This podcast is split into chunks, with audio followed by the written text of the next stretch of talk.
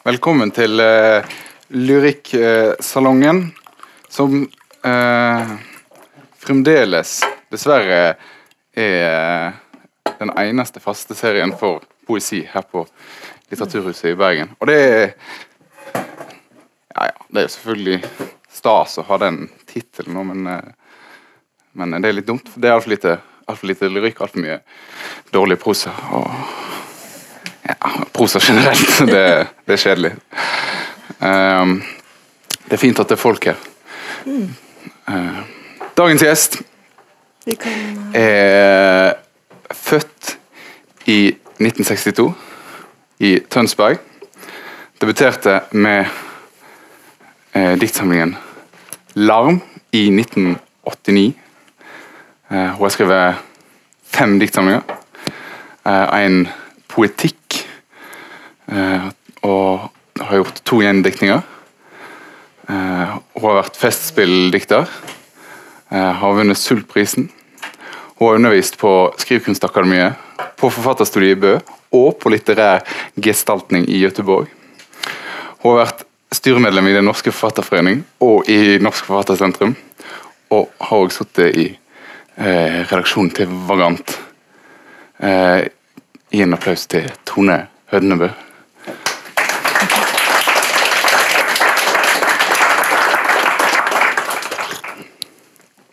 Glemte jeg noe? Nei, uh, bortsett fra at jeg ikke er født i Tønsberg, men uh, i Oslo. Men jeg vokste opp i Tønsberg. Opp men det er bare en liten Ja, det er forskjell, det. Ja, det er en stor forskjell. Ja. Eh, det, er jo, det er jo voldsomt mye, må jeg si. Det er imponerende. En imponerende CV. Sånn, eh, vel. eh, Det blir vel sånn ofte når man har levd en stund, at eh, det ser veldig imponerende ut. Nei, du må ikke være sjenert. Det, det er imponerende. Og det virker jo virkelig som eh, du, du lever og ånder for litteraturen. Eh, hva betyr litteraturen for deg? Sånn, altså, sånn, helt generelt, hva, hva betyr den? Ah, hvor skal jeg begynne? Um, det har i hvert fall blitt sånn at uh, At man lever i den, bokstav, bokstavelig talt. Altså, fordi man skriver og underviser og ja, ikke gjør noe annet vettugt, så blir det liksom litteraturen. Betyr jo da mye, men det er klart Hvordan ble det sånn? Det var i hvert fall ikke noe jeg hadde planlagt. Så jeg kan i hvert fall si at det, det har sneket seg innpå meg. Jeg har egentlig ikke planlagt noen ting. Så det har blitt, blitt sånn. Eh, men det begynner vel med at man leser og møter eh, Møter eh, dikt, da. Eh, eller romaner. Eh, og oppdager at her er det noe som treffer, og som man har lyst som setter i gang noe hos deg, tenker jeg. Ja. Er det, er det noe som skjedde tidlig? Ja, jeg begynte vel egentlig å skrive tidlig. Eh, ikke fordi jeg jeg, at jeg hadde lest dikt da, men eh, når jeg var åtte, så, så lærte jeg å skrive. Eh, eller jeg lærte vel å skrive før, men på skolen så hadde jeg sånne notatbøker som eh, du vet, sånne brun, rutete bøker som ble til overs. Så jeg begynte å skrive litt til dem. Eh, og det tror jeg egentlig handlet mer om litt sånn tilfeldigheter. At man oppdager at hva skjer når du sitter alene eh, og ikke tør å synge høyt for de andre i klassen, som jeg egentlig ville. Eh, jo, da kommer det dikt. Eller kom det dikt, da. Det, det er sånn typisk at alle, alle forfattere egentlig vil være musikere. Jeg har aldri drømt om å spille band, må jeg innrømme, men det er kanskje fordi Ja. Jeg har alltid hatt behov for det der eh, stille rommet, da. Ja. Men, men fikk du tidlig respons òg på at, på at Jeg skrev vel noen litt rare dikt som eh, dessverre moren min fikk tak i. Så det var veldig dumt, egentlig. Så det, det da, dumt? Da, slutt, da sluttet jeg å skrive i mange år. Hvor gammel var du da? ja, da var jeg rundt åtte. Og så skrev du rare dikt? Ja, det var et par rare dikt, i hvert fall. Ja. Og så var det masse banalt, selvfølgelig. Men eh, Men, men var det det at du ikke skjønte eh, hva det gikk i? Eller var det bare det at hun oppdaga at du, at, du skrev? At jeg oppdaget at jeg skrev, uten Ja, at jeg visste hva det var som skjedde. Men jeg, jeg, jeg tenkte ikke at nå skriver jeg dikt. Det- men, men hva som gjorde at du ble flau når hun så dem?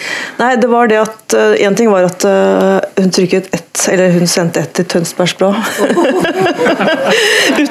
Nå husker jeg ikke om hun Når du var åtte? Ja. ja. Og så var det også sånn at uh, da var det noen som, ikke sant, noen slektninger eller noen En far til en jeg gikk i klasse med som hadde oppdaget det. ikke sant? Altså det blir sånn, det var helt feil. Så, Men det kom ja. på trykk. Ja, ja, ja, mulig at jeg husker feil, men det gjorde det. ja. ja. Dette er jo sånn som jeg burde visst på forhånd. For det, det, det skulle jeg klart å, å drive opp. Eh, Har du lest det diktet i ettertid? Ja, jeg har, jeg har det. Det er ikke så gærent. det er litt sånn gammelklokt, da. Litt sånn. Når du var åtte? Ja. Jeg tror at det er noe At alle har faser i livet, også spesielt barn rundt åtte.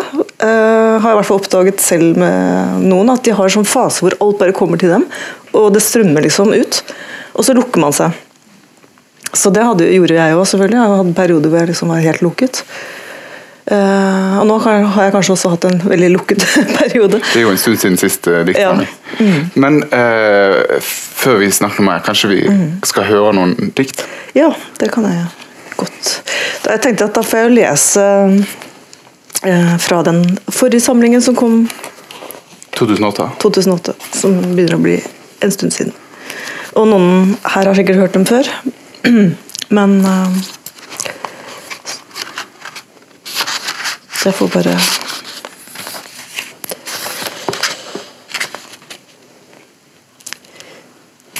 Det er grenser for menneskenes bevegelser, var det siste jeg tenkte før årstallet forsvant og datoen gikk til grunne.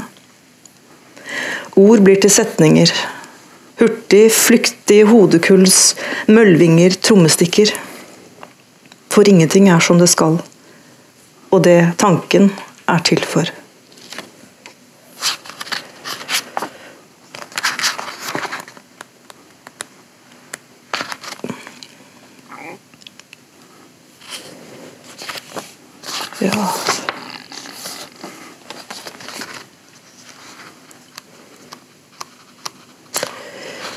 For hånden som skriver og skriver, forandrer verden seg. Og det som ble sagt, og det som ble skrevet, angir hver tings forgjengelighet. Biblioteket er mørkt. Jeg hører skritt over gulvet. Martyrer fins. Moral fins. Bare du er unnselig og glad, og alt det jeg fornekter.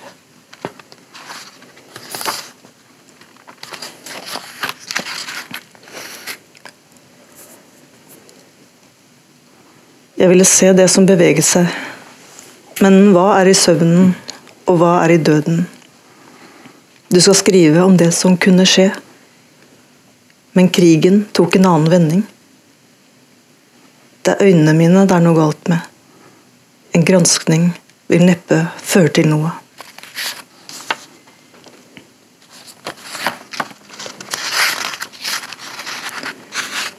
Vergil bygde videre på Ennius og Nevius. Jeg sier nesten aldri hva jeg mener, og skal skrive om det som har hendt. Det tvilsomme er ikke dermed skjult.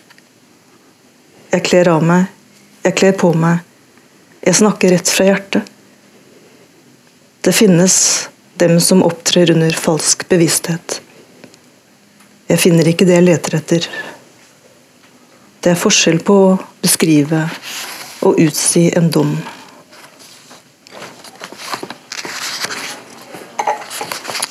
Ta ett dikt til, da. Ja, ta to. Eh, Ta to, ok. Det nye systemet tar opp i seg brutaliteten fra det gamle. Er det mulig å forandre overhodet? Hva betyr det å okkupere et rom, og lar det egenrådige seg beskrive? Å bli definert er det verste. Vi snakker om fordrevne mennesker og ingen hjemkomst. For oss fins det bare håp.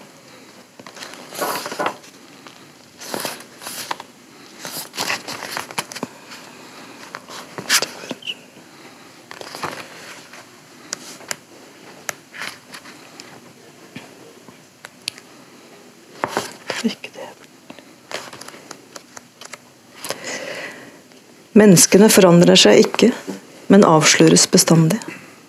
Og jeg lukker boken så ordene kan gå til spille. Drivfjær, impuls, årsak.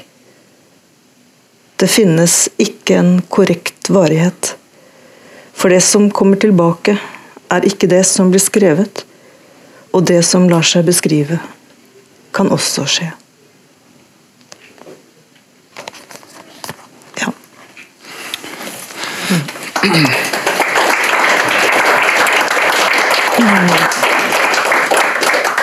Tusen takk for det.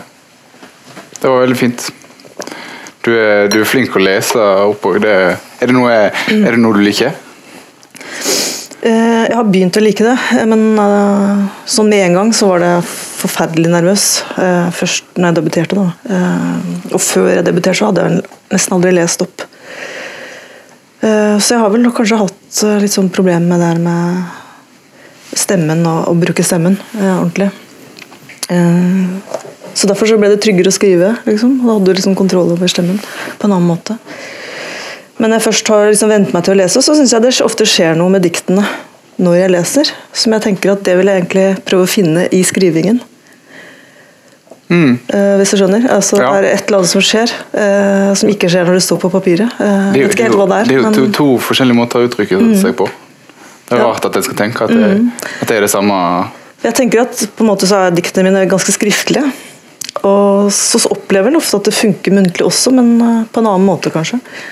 Ja, absolutt. Det fungerer muntlig. Så, det, så jeg, jeg opplever jo på en måte at når jeg leser da eksempel, og det er stille sånn som her, og, så kan det fungere. Men jeg tror ikke jeg skal lese på et sånt fotballstadion med masse bråk i bakgrunnen, liksom. Det, det, ja, Eh, så det, Du, du bor jo i Oslo, og hvis det er sånn i Oslo at det kommer poeter og leser på fotballstadioner, der, så, jeg har lyst til å bo der. Altså, for sånn er det ikke. ikke ennå. Det kommer, det kommer, bare vent. Ja. du sa det jo sjøl, det her er fra din, din siste diktsamling, 'Nedtegnelser'. Eh, 2008. Mm. Mm. jeg må jo bare spørre eh, Hva har du gjort? Skriver du Skriver du ennå? Altså, jeg, jeg skriver vel sånn av og på, eh, egentlig. Hele tiden. Eh, men jeg lar meg forstyrre, selvfølgelig. Altså, når man skal gjøre noe annet, så klarer jeg ikke nødvendigvis å skrive. Altså. Så jeg er litt avhengig av konsentrasjon, i hvert fall hvis jeg skal skrive bok. Altså, jeg tenker at det er, det er mange måter å skrive på, men jeg skriver liksom alltid og noterer mye og tenker rundt det å skrive. Og skriver ned tekster som ikke er ferdige, og fragmenter osv. Uh, men når jeg skal skrive bok, så, så føler jeg at jeg må ha full konsentrasjon, altså, rett og slett. Så Er det, er, det, er det sånn at når du, når du skriver bok, så må du sette deg ned og, eh, og, og tenke at nå skal det bli bok? Så det, altså, mm. Men har du gjort det nå? Blir det bok? jeg tenker at det begynner med at man har noen tekster, eh, kanskje 20-30 tekster. eh, og så viser man det fram til en redaktør, og så sitter man kanskje igjen med noen få. Eller, eller, i hvert fall så får du respons, da. Og det, en gang, det setter ofte noe i gang hos meg, at jeg har noe. Så får jeg respons, og så svarer jeg liksom Ikke på, på det redaktøren sier, men uh, da får jeg i hvert fall Det er noe med å bli sett også, ikke sant? At det er, uh, tekstene blir sett. Jeg syns det er um, Samtidig er det veldig skummelt at noen skal lese det selvfølgelig når det ikke er ferdig. Da. Mm. Så, men det kan sette i gang, og da, da tenker jeg at å bestemme seg for å skrive bok, det må være fordi du har et materiale og du føler liksom at det her er det noe som kan bli noe som er interessant. Som jeg ikke helt vet hva er ennå, men som jeg ser at her, her er det noe jeg er inne på. Men det er i, i de Så du sitter eh, er metoden din og du sitter med fragmenter helt til det plutselig kommer et spesielt fragment? Eller Um, er det en driv, eller hva er det? Jeg tenker at det er en veldig sånn intens lyttefase på en eller annen måte. At man går inn i noe og, stiller seg litt inn på å lytte, rett og slett. Altså, og tar inn veldig mye. Eh, og da skriver jeg også ned fragmenter, kan du si, og så kan jeg bygge dikt ut fra det. Hvis jeg blar tilbake da, i en notatbok, liksom, så har jeg ikke den med, men så syns jeg på en måte at det blir en sånn Det er et spill der som eh, jeg har lyst til å Som, som genererer dikt. da. Mm. Eller en slags spill er kanskje ikke diktordet, men det er i hvert fall en eh, at det er noe der som jeg tar utgangspunkt i. Jeg synes Det er veldig vanskelig å sette meg ned og skrive og nå skal jeg skrive et dikt, det skal handle om kjærlighet, liksom. Altså, Det går ikke. Så det, det, er, ja. det må komme litt sånn via språket, liksom. Men, En- en- ja. men er du redd for at, eh, at du ikke skal skrive flere diktsamlinger? Eh, Ja, det tror jeg alle forfattere på en måte er redd for. Men jeg tenker også at hver bok på en måte er en stor overraskelse og et under. på en måte. Så jeg tenker én bok av gangen ofte. da. Mm. Blir det en bok til, så er det fantastisk. liksom. Og prøver å konsentrere meg om det. altså. Så Eh, Du sa en gang Nå skal jeg sitere deg på et intervju. For, for meg har det vært ekstremt vanskelig å være forfatter. Jeg er det nesten motvillig. Det, Når har jeg sagt det? Når, ja, jeg har sikkert sagt det, men det er intervju med Alf Ander Hagen ja. i 96. Mm, ja. Det er jo det begynner å bli det er 20 år siden. Er det fremdeles motvillig forfatter?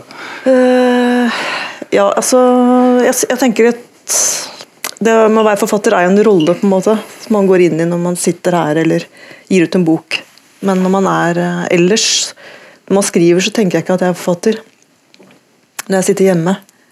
Jeg prøver i hvert fall ikke å tenke på det, for jeg syns det er litt ødeleggende. Eh, så jeg prøver egentlig å ta vare litt på den der litt sånn uskyldige gleden ved å skrive.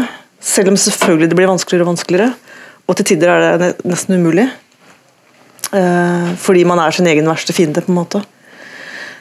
Men eh, det å komme tilbake til den derre ja, det å skrive og notere faktisk for hånden, og sånn som jeg, og der det startet, på en måte, er litt viktig for meg. Altså, at, jeg, at jeg gjør det.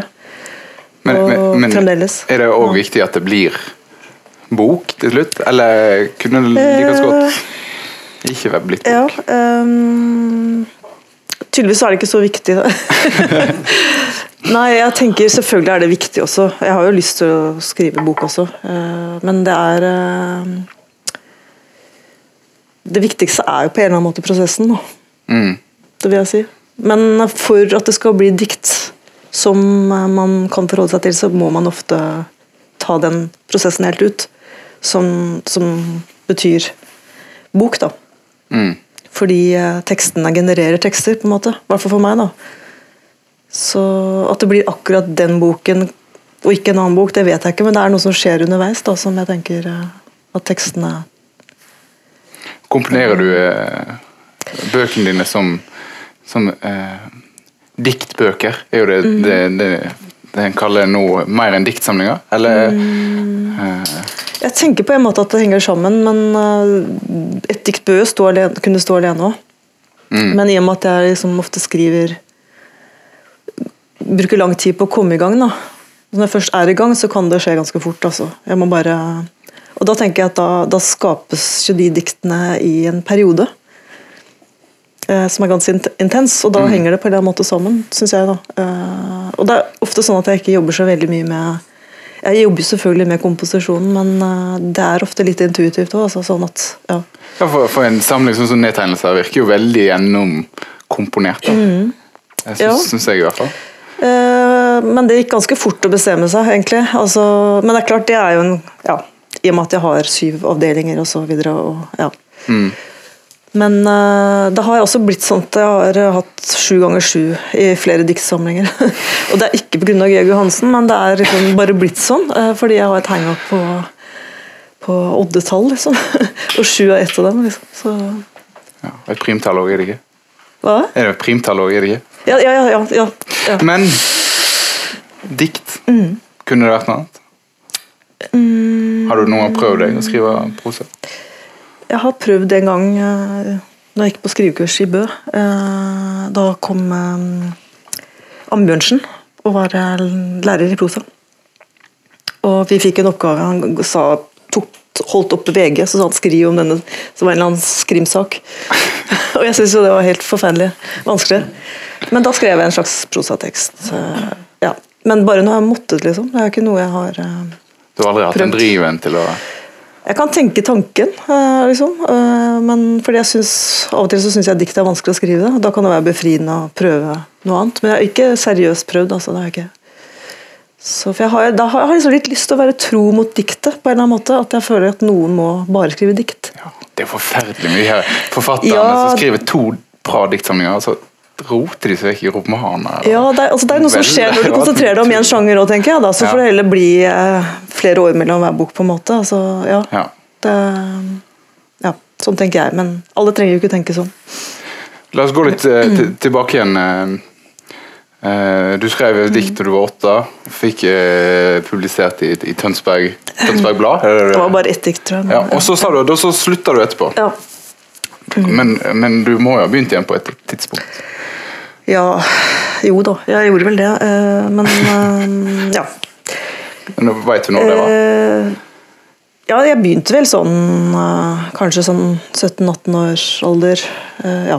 Og så skjedde vel ting når jeg flyttet til Oslo og begynte å studere, møtte, og så leste litteratur. Da studerte du Jeg studerte engelsk og nordisk først. Ja.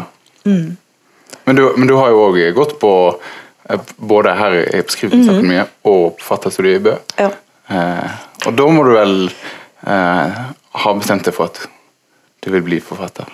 Eh, nei, det vet jeg ikke. Det var også litt sånn ja, nysgjerrighet, kanskje, på om det holdt, det jeg holdt på med, det jeg skrev. Begge gangene? Eh, ja. Og kanskje også sånn at eh, jeg ville bort fra det jeg holdt på med. Der og da så følte jeg at det ikke var nok. På det tidspunktet jeg begynte på Skrivekunstakademiet i Bergen, så eh, hadde jeg vært i Trondheim i to år og studert drama, film og teater. Og begynt på hovedfag der, som det het da. Og ja, så ville jeg bort av ulike årsaker. Og da hadde jeg vel også en sånn skriveperiode, da. Og så er det klart at da, da, da er det jo veldig fint å få bekreftet at noe andre ser at det er noe i det du skriver. Ja, for det fikk du.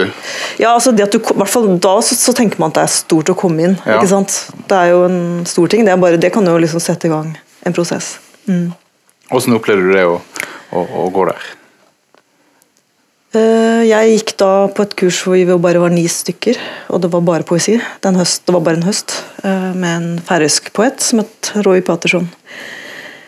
Eh, Og da hadde vi vært Den sommeren hadde jeg vel vært på Minde, nei, på folkehøyskole i Fana. Og vært på sommerkurs.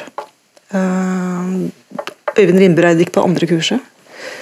Og så var det et par etablerte forfattere som gikk der, bl.a. Eva Jensen. Jeg må bare nevne henne, siden eh, ja, Mm. hun døde i forgårs eller i går. Ja. Og hun skrev da på det eh, Fikk vi en oppgave til slutt som hun skrev noe som jeg ofte har sitert til studentene når jeg har undervist selv. Eh, alt er mulig, diktet kan begynne. Og det, det, det, det, satte, det var en begynnelsen på en tekst hun skrev der, som jeg bare syns er så oppløftende. da. Eh, fordi eh, man kan snakke om hvor vanskelig det er å skrive, og hvor vanskelig det er å forfatter, og motvilje og motstand, og alt det der, men det er også det motsatte. ikke sant? At det er en veldig åpning. Mm. Og jeg syns det er en fantastisk uh, fin uh, setning som jeg ofte har studert. Da. Hvordan uh, opplever du det nå når du sjøl er lærer på Jeg er alltid veldig nysgjerrig. Altså, jeg syns alltid det er eh, hva er, hva er, er det noe nytt her? Er det noe helt sånn Ja. Uh, Er det det? Ja. Ja. Jeg syns det er uh, veldig sånn åpen i utgangspunktet. Og så tenker jeg også at uh, det gjelder å sånn, finne noe i en tekst som den som har skrevet den, ser. Her er det noe. Og det er ikke sikkert at man er enig. Eh, det kan, kan hende at jeg ser noe som den som har skrevet den, ikke er enig i at det er det som er bra. Men eh, det å gå inn i en dialog på det, og se hva som funker og ikke funker, eh, det syns jeg er noe av det morsomste med å være, lærer. For jeg føler jo egentlig at jeg kan komme med å være inspirator, men jeg kan liksom ikke lære noen å bli forfatter. Det er liksom noe som må komme det kan, kan, Man kan ikke lære å bli forfatter, rett og slett. Så, men man kan lære å bli en god leser, og man kan lære og Det er sikkert mange sagt, men altså man kan lære å se at det er mange inn- innfallsvinkler til skriving. da. mm.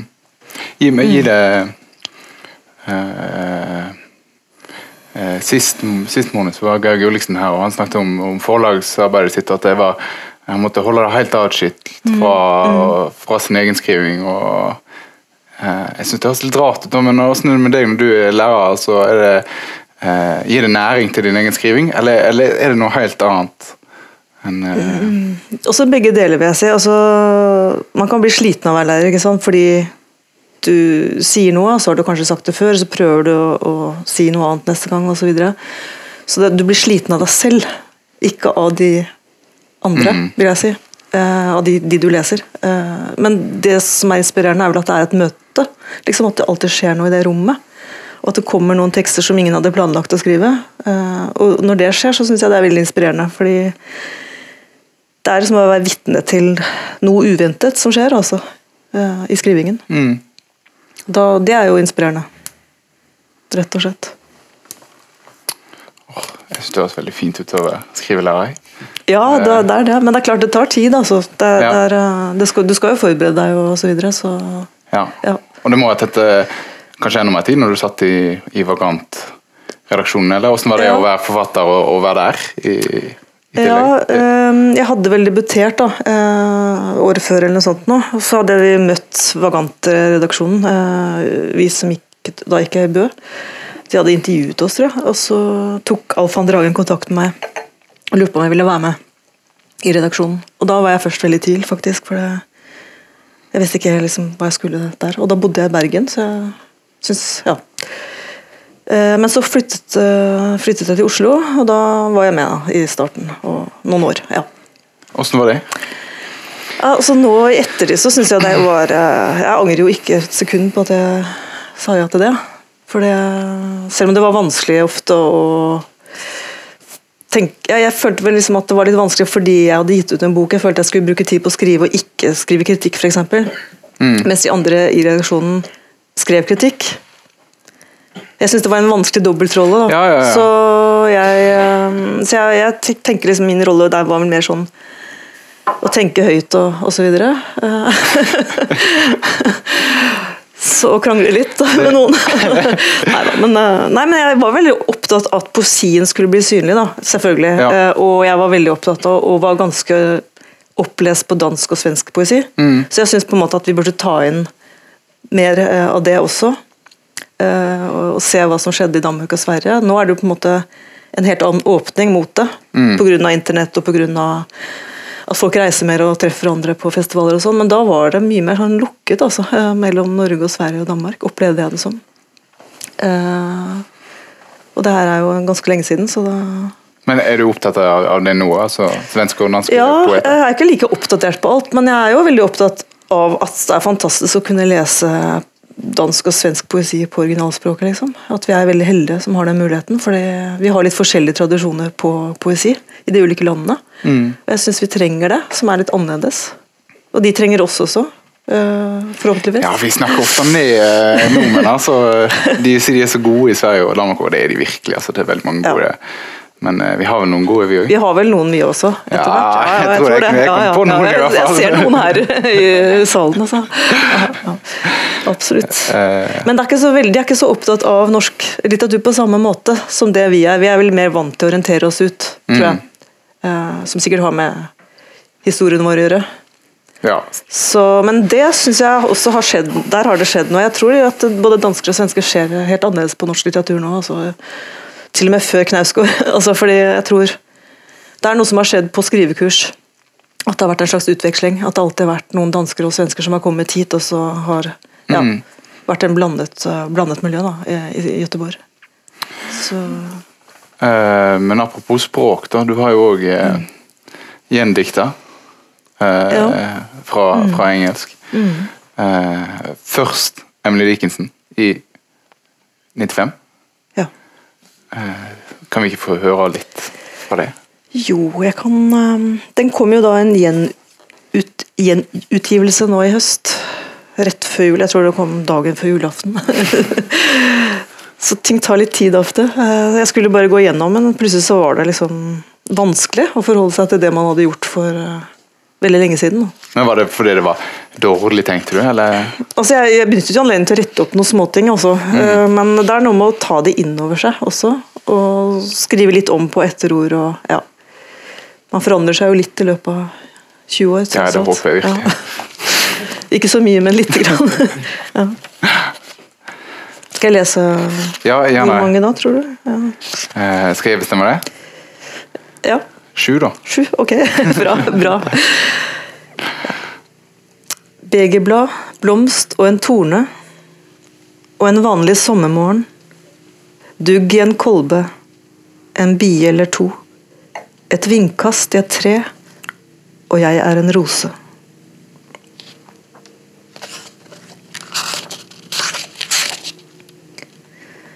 Tro er en fin oppfinnelse så lenge herrene ser. Men mikroskop er bedre når noe uventet skjer.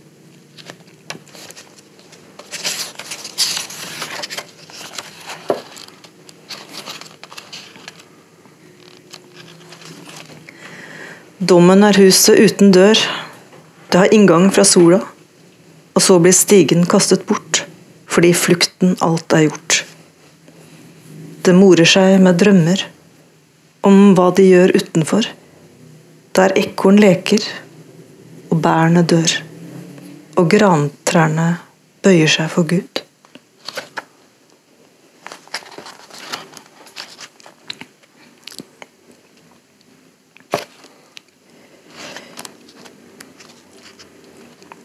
Hjernen går jevnt og nøyaktig i sitt spor, men la en splint skjenne ut. Det ville være lettere for deg å stanse en strøm når elven har gravd revner i åsen og laget demninger for seg selv og revet møllene ned.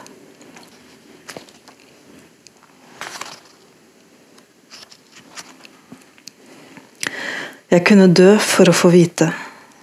Det er en enkel sannhet. Avisgutter hilser mot døren. Vogner ruller forbi. Morgens frekke ansikt står i vinduet. Kunne jeg fly vekk som en liten flue? Hus støtter seg mot huset med skuldre av murstein. Kull skramler i rullende lass der på torget hvor føttene hans går. Kanskje akkurat nå, mens jeg drømmer her.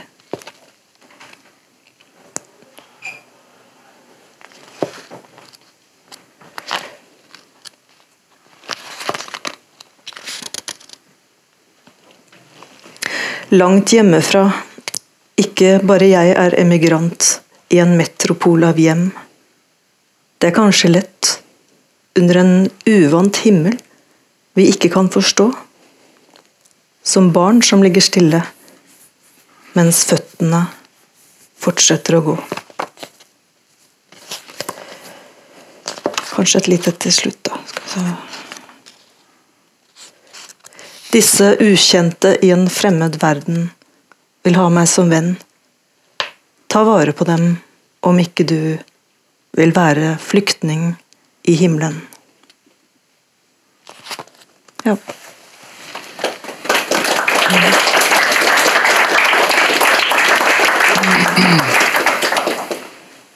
Takk for det. Åssen mm. ble denne boka til? Er lov å stille så generelt ja, spørsmål? Ja, uh, oui. Jo, jeg hadde debutert, og så hadde det gått en del år. Uh, jeg ble jo med da i Vagant osv. Uh, og så fikk jeg vel egentlig lyst Tanken tanken på å oversette noe altså jeg, jeg, hadde lyst til å finne en bok jeg kunne lese hele livet. da, Eller en forfatter jeg kunne lese hele livet. Og så hadde jeg jo et forhold til Dickinson eh, som hadde fått når jeg studerte engelsk. Eh, og, men én ting er å liksom ha lest noe, en annen ting er å, å liksom sitte med alle diktene. Og ja. Så det, det, var en sånn tanke, da. Eh, og så var det vel eh, også litt sånn at jeg Og rundt kafébordene så snakket vi jo om litteratur, men veldig sjelden f.eks.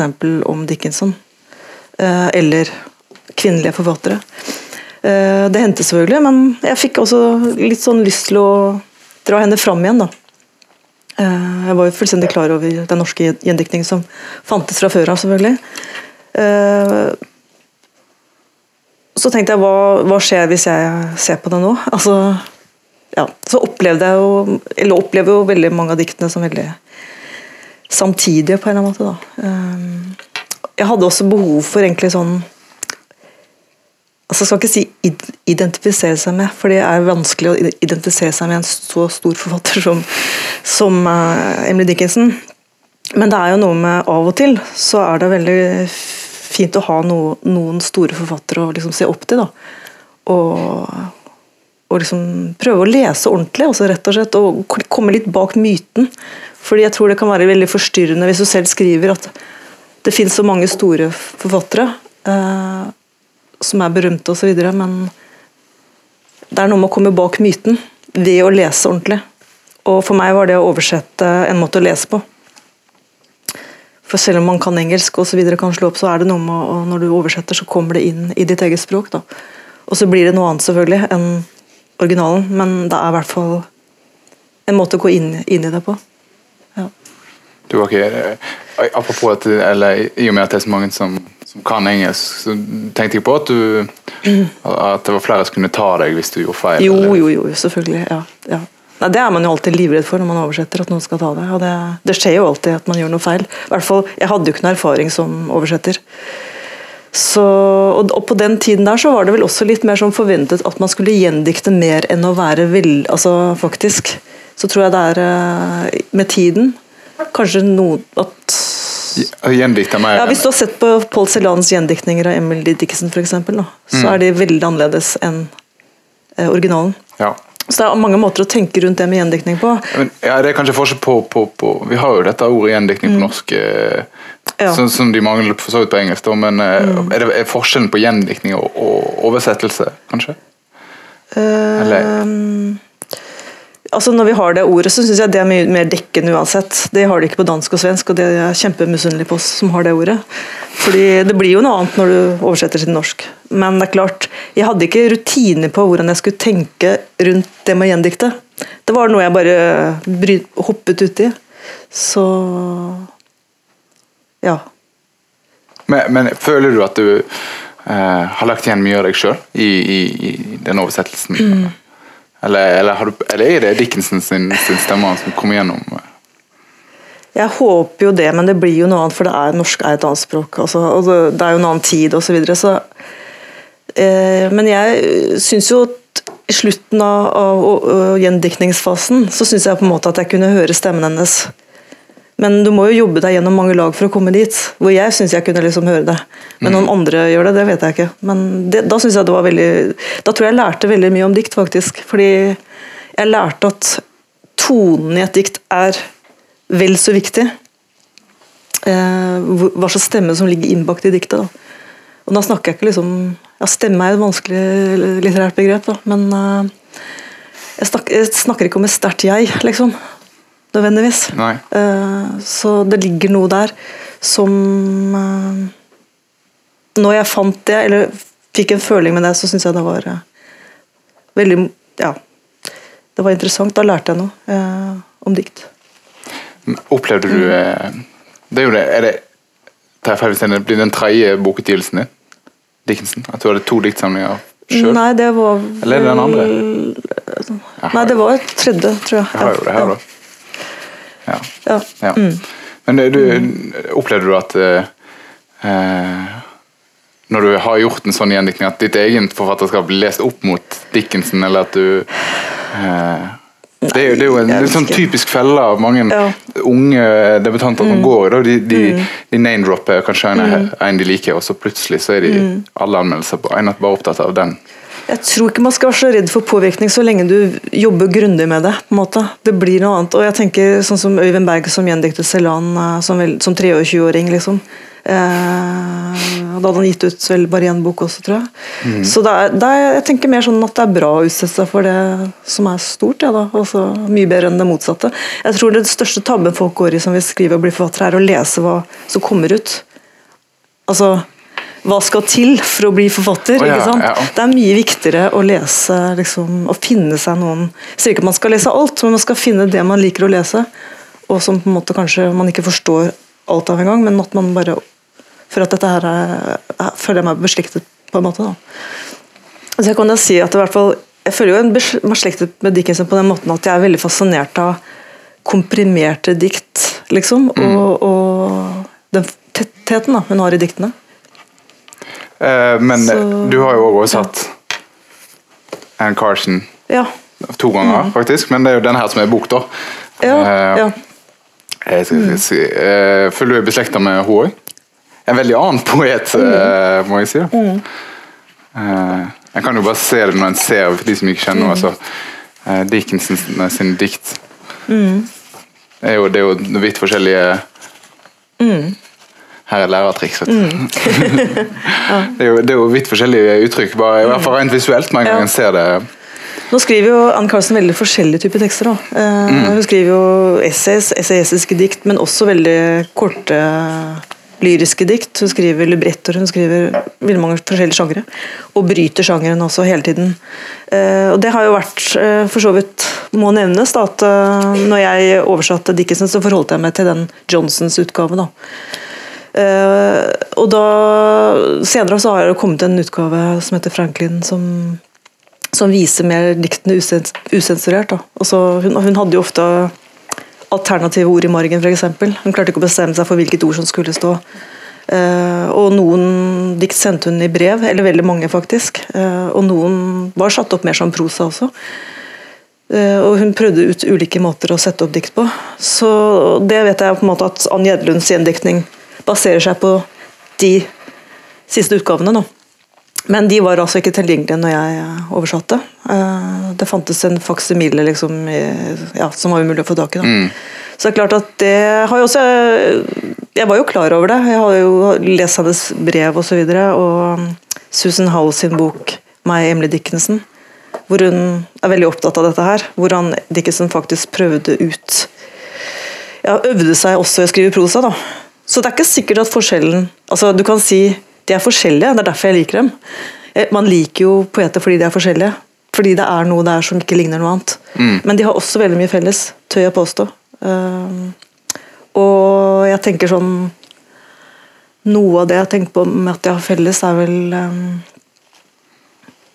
um, Ja, at jeg tør påstå at begge to prøver ut Ja,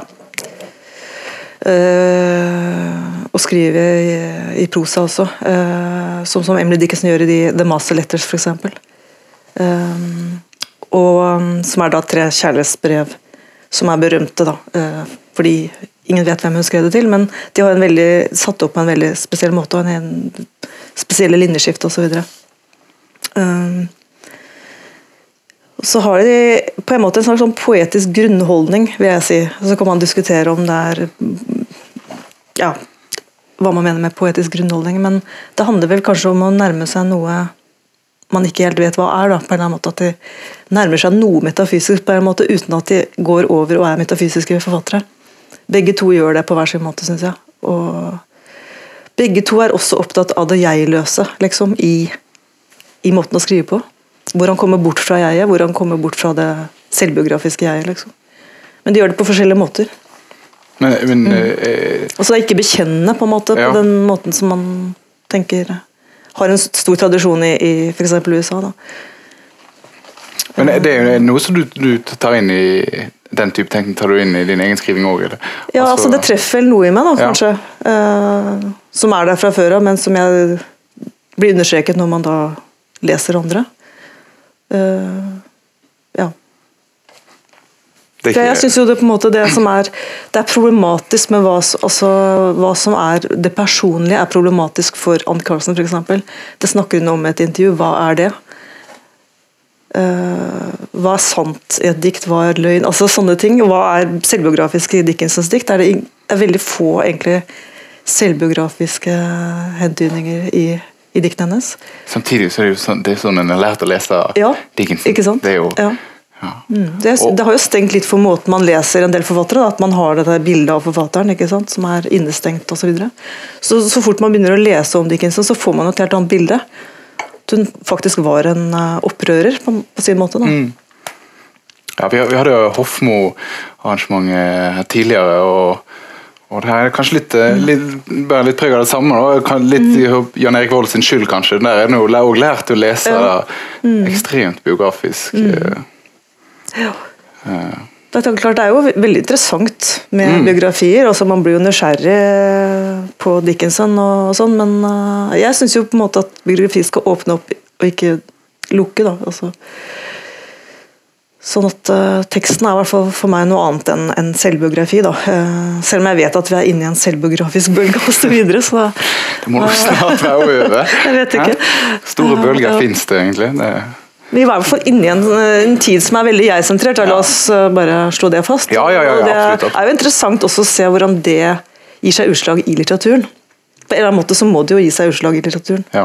Uh, Men selvfølgelig så kan det være en reaksjon. Det kan komme en reaksjon også, men Tenker Mm. du på det at noen kan lese deg òg, med utgangspunkt i din biografi? At Det var sikkert noen, noen som prøvde det i første boken, og det syns jeg var veldig veldig ubehagelig. Men det er klart, jeg håper jo at eh, altså Det at diktene er- trenger ikke være private og selvbiografiske, selvbiografiske, men det at det er personlige, det er viktig. Syns jeg. Ja, hva- hva er forskjellen ja. Nei, hva er det? Det, det, det grunner jeg også veldig mye på. Nei, jeg tenker at det ligger i at det er nødvendig. At det er nødvendighet skrevet inn i dem. At det er trygt der. Det, de, de, du skriver dem ikke fordi du bare har lyst til å skrive et dikt. Det er noe fordi det kommer fra et, et annet sted. I forfatteren? Uh, ja. Ja. Som kanskje handler om et slags opprør mot en slags måte å tenke på, eller en, en måte å bruke språket på. En sånn veldig logisk måte å bruke språket på, kanskje. Um, uh, Syns det er um, det, det, det, er, det, er, noe som kommer fra språket, men det kommer ikke fra det språket vi snakker nødvendigvis til daglig, eller det vi leser i avisen, eller Det blander seg. altså Det er noe annet Det kan godt hente språk inn fra alle områder, men, men det kommer noe annet. Et motspråk, kanskje. Eh, Men inviterer ikke en, sånn, eh, en sånn statement til en biografisk lesning? Si, Ja, jeg vet ikke om det er så veldig mye interessant uh, å spore min biografi sånn sett, men nei, for meg er det veldig fjernt. Også fordi da, jeg tror at det å være forfatter i dag er noe annet enn det det var. Uh, faktisk. på hvilken måte? For det første så har vi jo flere forfattere. altså Det er veldig mange som kommer ut med bøker. Uh, og jeg tror uh, Ja, jeg tror kanskje ikke at den biografiske lesingen er så relevant lenger. Det er òg noe som kanskje eh, preger mest døde forfattere. eller noen en eh, Altså, noen spiller jo opp mot det, det er jo det som skjer. på en måte, ikke sant? At Mm. folk spiller opp mot det, og det, er jo, det må man jo gjøre på en måte. Eh, så lenge man sier jeg et dikt, så vil jo det spille opp mot at folk tror det er deg, men det er jo noe med å løsrive seg fra det òg, da. Og, Det er ikke Dickinson sin skyld at du gir ut så få bøker? At du nei, jeg skal ikke skylde på noen andre. Kopiere hennes nei, nei, nei, nei, nei, nei. Det tror jeg bare er min egen skyld. Ja, ja. Eh, du, sa, du sa Jeg må jeg noterte meg det. Du sa dere dere, jeg vet ikke hvem, hvem du la i det, men at dere ikke snakket om kvinnelige forfattere. Ikke så mange. Jo, vi gjorde det. vi gjorde det. Men det var mer sånn at jeg hadde behov for å finne min, min Ja. forfatter. Ja. Det var ikke det at vi ikke gjorde det i Vagant, for det opplevde jeg at vi gjorde. Altså. Så, men det var mer sånn generelt ja, rundt, rundt omkring. Men er det noe som, som har eh, Det har nok forandret seg. Seg, Ja, jeg tror det. Særlig de siste årene, tror jeg. Ja, det har jo vært, har vært en, eh. En debatt, om det at det, jo, det, virker, det blir mer og mer kvinner og færre og færre menn som, som skriver. Eh, eller i hvert fall menn som mener det, da. Det, det jo kanskje typisk.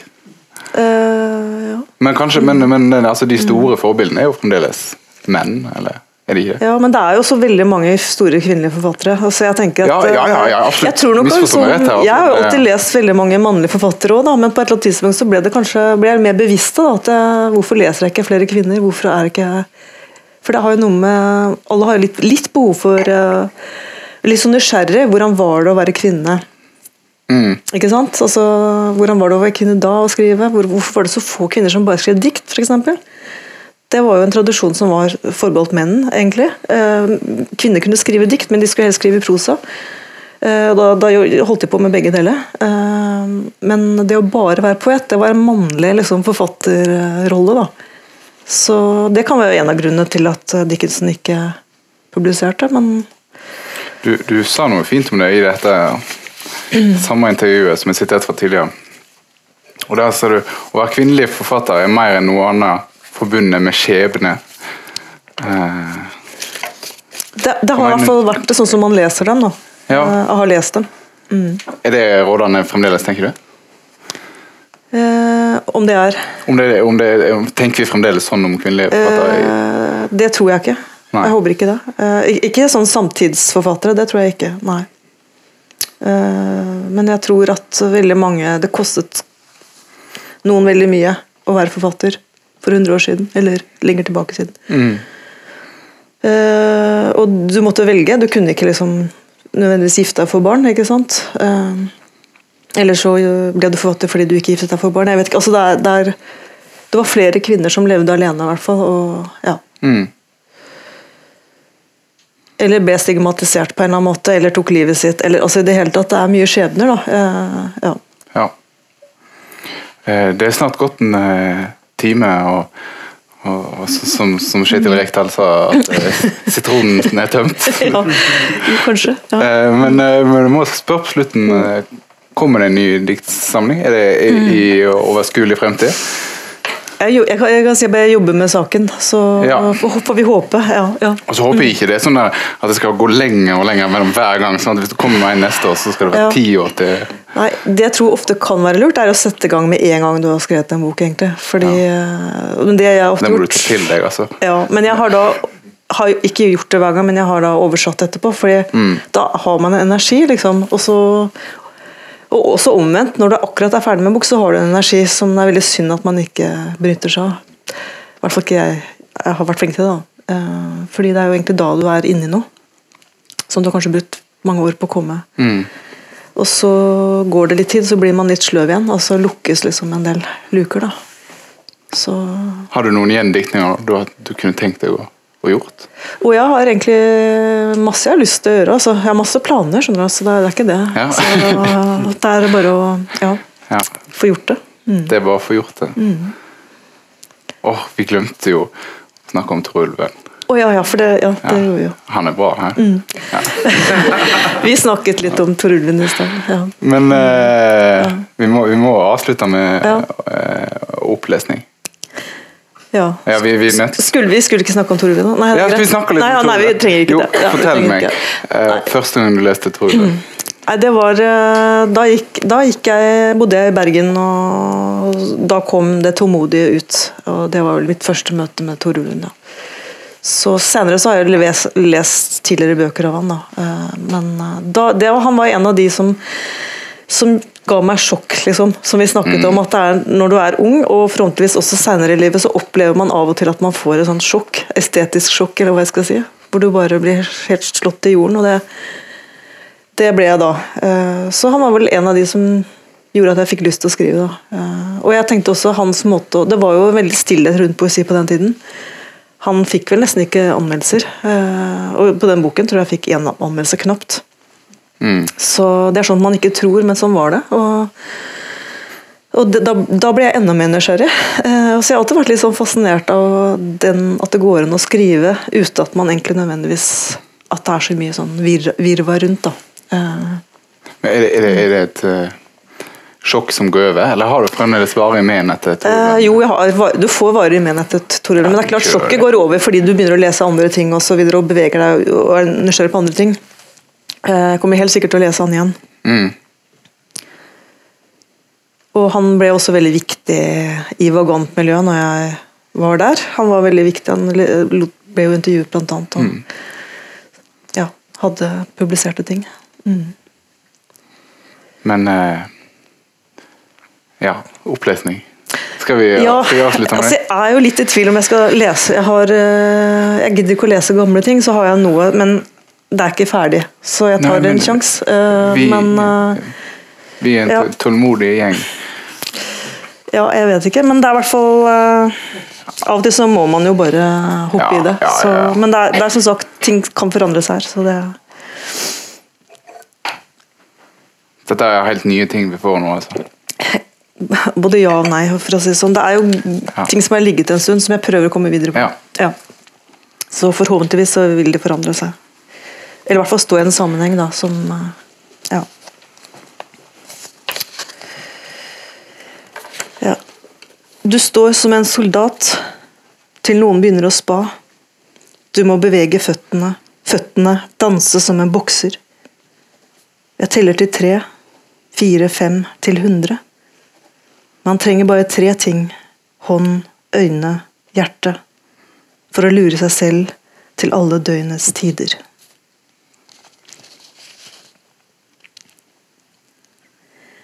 Jeg var Frankensteins brud. Lyden av tennene rett innenfor ørene som tygget på noe seigt eller søtt, mens det grufulle åpenbarte seg, og jeg krympet meg ikke. Halvveis, i min fulle lengde, visste jeg at det var begynnelsen på slutten.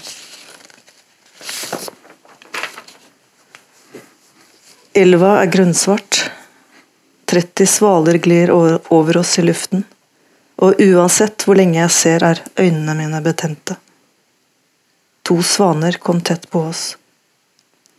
Dette er summen av enkelte deler.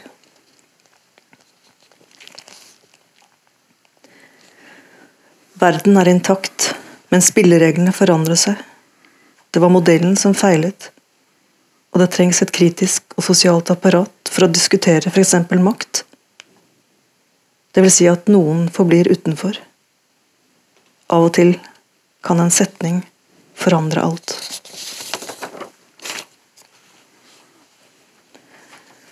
Den ultimate maktutøvelsen er å styre hva folk gjør eller ikke gjør, sier eller ikke sier. Og andre ganger skjer det noe fordi det ikke blir sagt. Men tårene er jerntette skott, og det blir aldri helt stille. For alt det jeg vet nå, trodde jeg at jeg visste.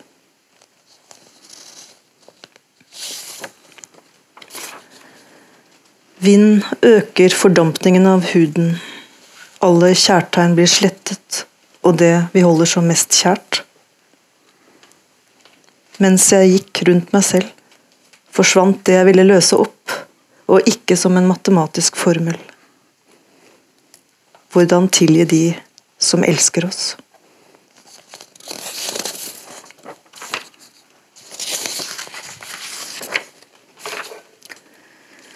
Jeg leter etter en setning som kan snu verden inn mot verden. Det besværlige må knytes opp, og jeg vet ikke engang hva du drømmer. Å kjenne et menneske hele livet kan være en målestokk for verden. Ja. Mm.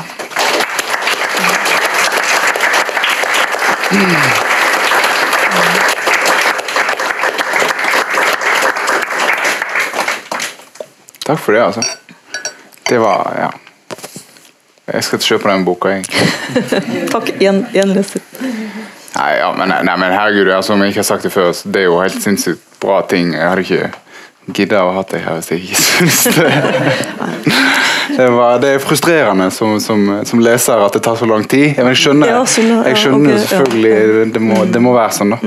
Mm. Jeg tenker at Det trenger ikke alltid være sånn, men av og til så blir det sånn fordi man har gjort andre ting som tar tid. da. Og så, du har jo alltid, jobb, jo alltid jobba for litteraturen, i hvert fall. Ja. Eh, det står det mm. stor, stor respekt av. Mm. Mange måter å ta forfatterrollen uh, og det er mange måter å jobbe for litteraturen eh, for. Altså, det har, og det har du virkelig gjort da selv mm. når du ikke har gitt ut egne bøker. så har du ja.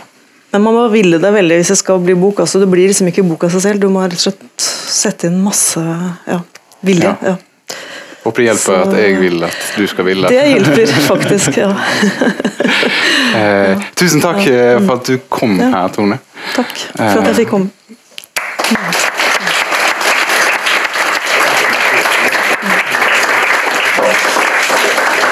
Eh, jeg, jeg um, sier nå at uh, sesongens siste lyriksalong uh, er i mai. Har vi en dato på det? Siste torsdagen i mai. Da kommer Kjersti Woien Haaland, som har gitt ut to diktsamlinger på Flamme forlag, og en uh, roman.